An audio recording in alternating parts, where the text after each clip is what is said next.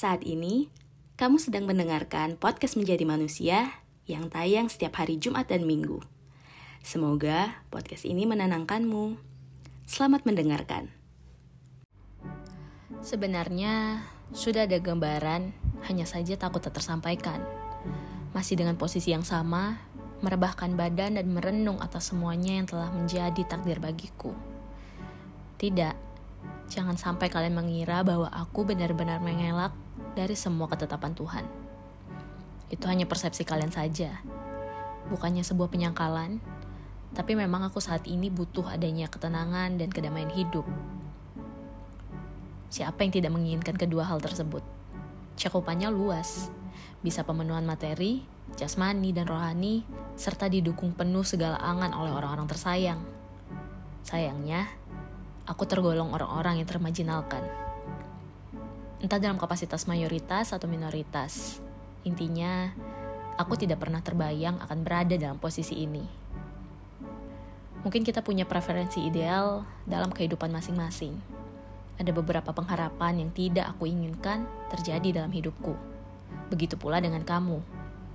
Ada beberapa pengharapan yang tidak kamu butuhkan, sedangkan aku sangat membutuhkannya. Kita berbeda, semua orang berbeda. Ada beberapa kondisi yang membuat keadaanku semakin terpatahkan. Ada beberapa pula kondisi yang membuat aku dibangkitkan. Kurasa kedua hal tersebut belum cukup adil. Aku masih merasakan banyak penerimaan kekecewaan.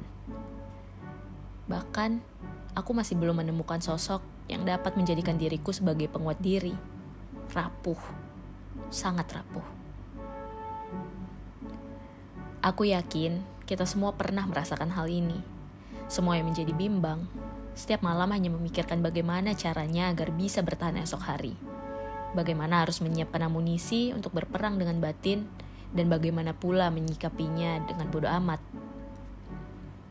Entah kelak kehidupanku akan seperti apa, semua sudah kupasrahkan dengan sang pencipta. Terpenting, aku sudah melakukan usaha dan doa terbaik yang kupanjatkan sepanjang masa enteng untuk diucapkan, setengah mati dilakukan. Tidak salah, hanya saja aku tetap tidak bisa tenang memikirkan hal-hal yang tidak kuinginkan terjadi. Hidupku saat ini sudah cukup merana. Jangan sampai merambat pada masa tua. Melihat tawa orang lain lewat IG stories, tweet bahagia dari sahabat di Twitter, atau pamer kemesraan dengan keluarga yang dibagikan di WhatsApp stories, semuanya kurasa bahagia di jalannya masing-masing. Bahkan, aku meyakini senyum yang mereka unggah juga tersimpan beberapa kesedihan. Aku selalu berpikiran seperti itu agar setidaknya meredam sedikit emosi jiwa kalau aku tidak sendirian. Nyatanya, setiap hari aku tetap bergumul dengan ketidakpastian dan keresahan. Risau, tetaplah risau.